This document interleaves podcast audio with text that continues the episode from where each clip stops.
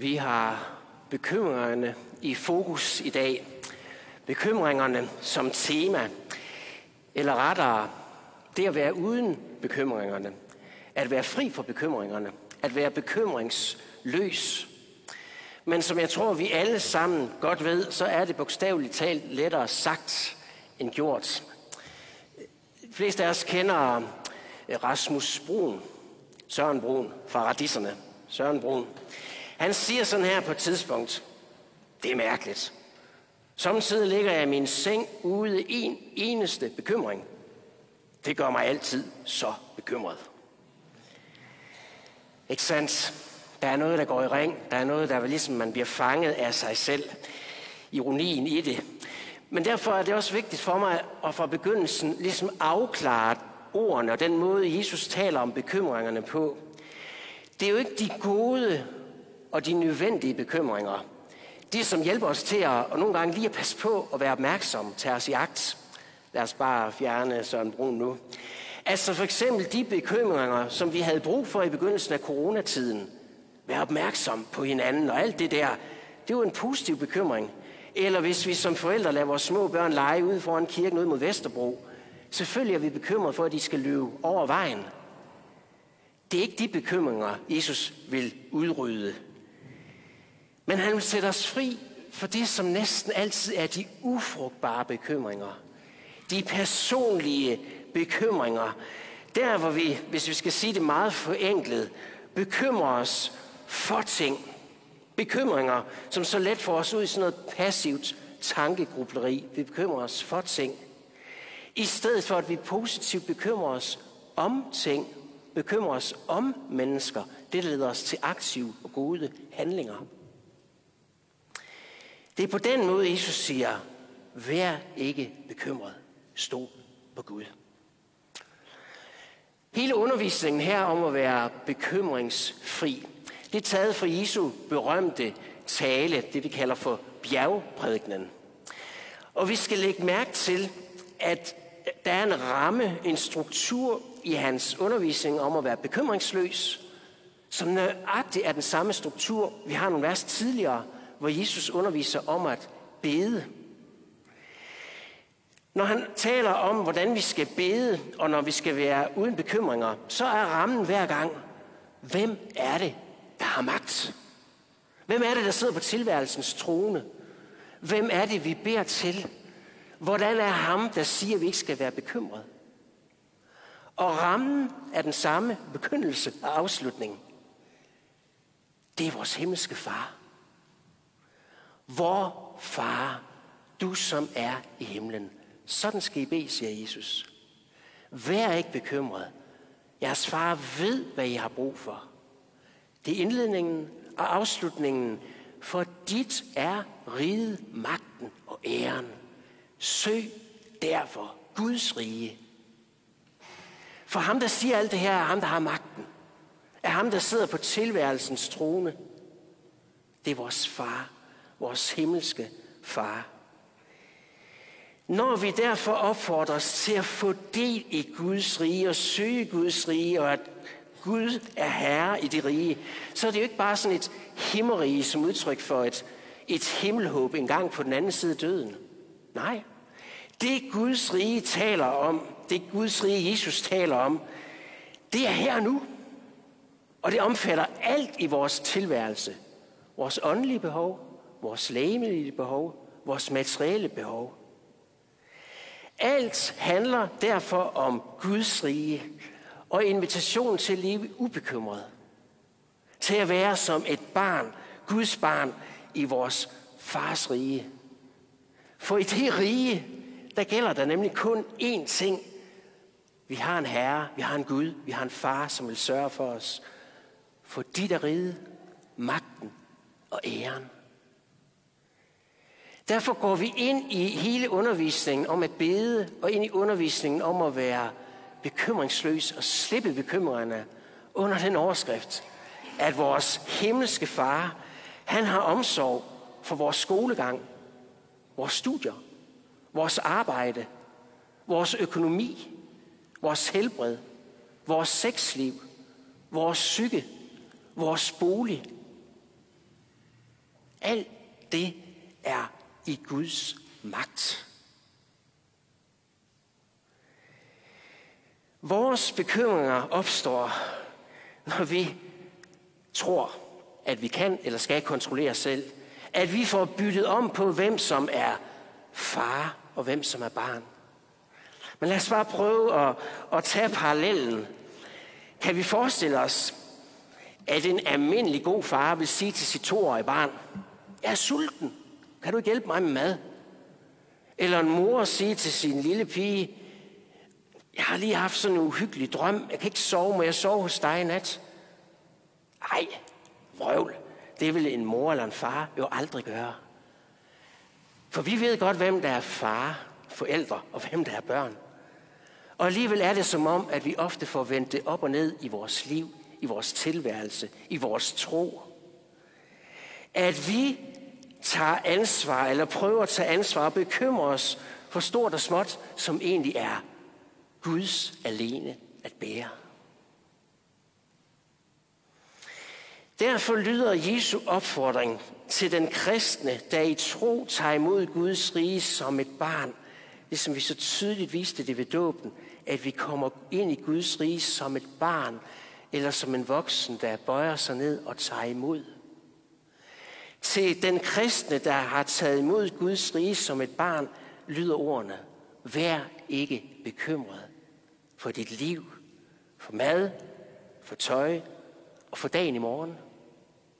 Alt dette søger hedningerne jo efter, de som ikke kender Gud. Læg mærke til, at der er denne modstilling med det samme i Jesu invitation. Bekymringerne, det er for hedningerne, de som ikke tror på Gud. Men til de kristne lyder det, jeres himmelske far ved, hvad I trænger til. Det er altså et kæmpe løfte om Guds omsorg og hjælp, og omvendt, ja omvendt, så er det samtidig en kæmpe udfordring til at tro, til at have tillid til Gud.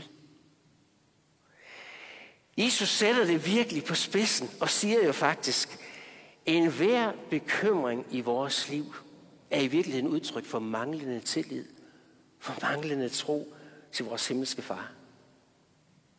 Og det kan jo sandhed være bekymrende for mange af os. Men Jesus siger altså sådan, deler det op. Bekymringerne, det er for hedningerne, de som ikke tror på Jesus Kristus og kender Gud som far. Men for de kristne, der gælder bekymringsløsheden og hvile i Guds omsorg. For når Gud giver føde til himlens fugle og markens liljer, og klæder blomsterne i en dragt, som er smukkere end kong Salmons kongeklæder, hvor meget snarere så ikke ja, siger han til sine disciple, og siger han til os. Derfor er der bare én ting, som den kristne skal rette fokus på og positivt bekymre sig om. Søg først Guds rige og hans retfærdighed. Så skal alt det andet gives jer i tilgift så vær der ikke bekymret. Søg først Guds rige, altså troen på Jesus. Det er at turde lægge sit liv i hans hånd. Søg først frem for din karriere, frem for dine studier, frem for din accept af, hvor du er i vennekredsen eller i familien. Søg først Guds rige før dit familieliv, før din nattesøvn. Søg først hans retfærdighed, den som han giver til den, som våger at bøje sig for Gud. Det handler altså om relationen, at vi er i det rette forhold, den rette relation til vores himmelske far, så vi kender ham, følger ham og overgiver os til ham. Og det handler om riget, Guds rige, at vi tager imod det rige, så vi tillidsfuldt tror på, at i det rige, der har jeg en far, en Gud, som sørger for mig. Og så siger Jesus, at leve i den tillidsfulde tro, det er jo at være til stede her og nu og leve i dag. Og hvem af jer kan lægge en dag til sit liv ved at bekymre sig? Hvem af jer kan lægge en dag til sit liv ved at bekymre sig? Vi kan jo se, hvor mange af os har ikke erfaret, at det netop er de ufrugtbare bekymringer, som gør os søvnløse, som nogle gange gør os syge, som hvis vi skal tillade os se lidt på spidsen, som gør os både gråhårede og gamle, fordi vi unødvendigt og forkert bekymrer os for noget, vi ikke har kontrol over. Og modsat, hvor mange af os har ikke i praksis erfaret, at det jo i virkeligheden var det, som vi oplevede som krise, som ydmygelse, som nederlag, som blev vejen til noget nyt, som skabte nye muligheder, som gav os et bedre liv, som førte til det, der var det bedste for os. Fordi det pludselig var oplevelsen af, det var Gud, som stod bag mit nederlag og ydmygelse. Og det var Gud, som åbnede vejen ind til det, der var det bedste. Hvor Gud mig fører, går jeg glad. Han, ikke jeg, skal råde, synger vi i en af kirkens gamle salmer. Og i alt det her er himlens fugle og markens liljer vores forbillede og vores lærermestre. For de har jo ikke evnen til at bekymre sig, men Gud sørger for dem i skaberværket.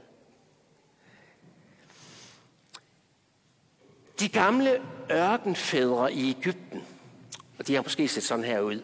Den bevægelse, der opstod cirka 300 år efter Jesus, hvor de i sådan lidt i protest mod kirkens sekual, seksual, sekularisering, det var meget svært ord at sige, altså man egentlig glemte troen og tilliden til Gud. I protest mod det søgte de ud i ørkenen for at dyrke stillheden, for at lytte intenst efter Guds stemme og for at lære at hvile i tillid til ham. De har et fantastisk begreb for den her erfaring at hvile i Guds omsorg, og de kalder det apatheia, den hellige ligegyldighed apatheia. Jeg tror umiddelbart for os, så er det at være apatisk eller have apati, det er et voldsomt negativt begreb. Altså, at man er gået i stå, er blevet fuldstændig passiv, i næsten sygelig tilstand. Men det er ikke sådan, de brugte ordet. Apatheia, den hellige ligegyldighed, betyder det at finde ind i roen, i tilliden til, dybest set kan jeg ikke kontrollere mit liv men far sørger for mig. Og derfor kan vi måske endnu bedre oversætte det med den hellige bekymringsløshed. At blive helt midt i et ellers splittet liv, og finde hvile midt i konflikt, uro og bekymringer. At finde ro midt i orkanens øje. Det handler om tilliden til Gud, den hellige bekymringsløshed. Hvordan kan vi fordele det? Hvordan kan vi øve os i det? Ja, det er et livsprojekt. Men vi kan gøre det meget, meget konkret også i dag. Ved at våge en suverænitetsafgivelse. Ved at overgive vores livskontrol til Gud. Ved at ydmyge os så vi tager vores skrøbelighed på os og siger, at vi har brug for Guds almagt. Våge at blive som et barn, der har brug for Guds hjælp. Apostlen Peter, han hørte på Jesu undervisning og kæmpede med det hele sit liv. Men som gammel erfaren mand, så skriver han sådan her i, i sit brev i kapitel 1. Ydmyg jer. Ydmyg jer derfor under Guds stærke hånd og kast al jeres bekymring på ham, for han har omsorg for jer. Vores bekymringer handler jo om det, som vi ikke kan gøre noget ved. Men hvis vi våger at bede, så handler vores bøn om det, som Gud kan gøre noget ved. Bekymring, det bliver jo ofte en samtale med mig selv, om en hel masse, som jeg ikke kan ændre. Men hvis vi beder til Gud, så bliver det en samtale med ham, som har magt og som kan ændre. Derfor er bønden de sårbare sprog, der bliver stærke i tillid. Lad os abdicere for tronen i vores eget liv. Det er det, kristentroen inviterer os til. Og det er faktisk det, kristentroen forlanger. For dit er riget, magten og æren i evighed. Vær ikke bekymret. Se på himlens fugle og martens liljer. Stå på mig, siger Jesus, Min nåde er dig nok. Det ord er for de spæde. Det ord er for de voksne. Derfor må vi øve os i at bede. Derfor må vi øve os i at sige det til hinanden. Og sige det til os selv. Og nogle gange synge det til os selv, som vi skal gøre nu. Ha' ingen uro. Ingen bekymring. Du har alt i Gud. Lad mig få et E. Ha' ingen uro, ingen bekymring. Alt du behøver, har du i Herren. Hav ingen uro, ingen bekymring. Du